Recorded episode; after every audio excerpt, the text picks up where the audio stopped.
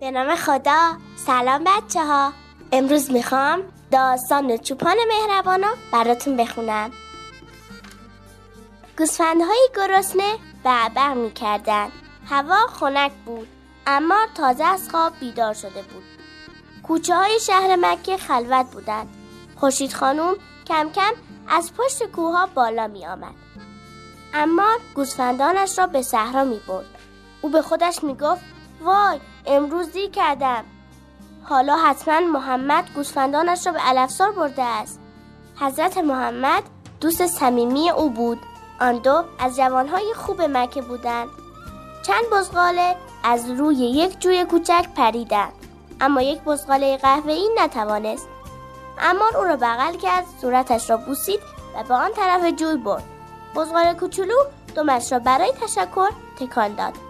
گوسفندان به صحرا رسیدند. اما صدای بعبع شنید. به اطراف خود نگاه کرد. پشت سرش کوه بلندی قرار داشت.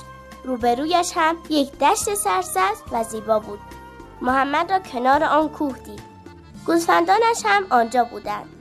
اما زود گوسفندان خود را به طرف او برد. بعد پیش محمد رفت و گفت سلام محمد ببخشید که دیر کردم. محمد عصبانی نشد. بلکه لبخند زد و جواب داد سلام اما عیبی ندارد. صورتش مثل همیشه آرام و مهربان بود. اما تا گوسفندان او را دید تعجب کرد و پرسید راستی محمد چرا گوسفندانت را به دشت نبرده ای تا علف بخورند؟ محمد دوباره لبخند زد و جواب داد من به تو وعده داده بودم که با هم به دشت برویم. به همین خاطر گوسفندانم را میان علفزار نبردم. صبر کردم تا بیایی و با هم به آنجا برویم. صورت امار از خجالت سرخ شد. از محمد عذرخواهی کرد. بعد هر دو خنده کنان گوسفندان را میان علفزار بردند. صدای بعبع گوسفندان همه جا را پر کرد. گنجشگاه هم از خوشحالی جیک جیک کردند.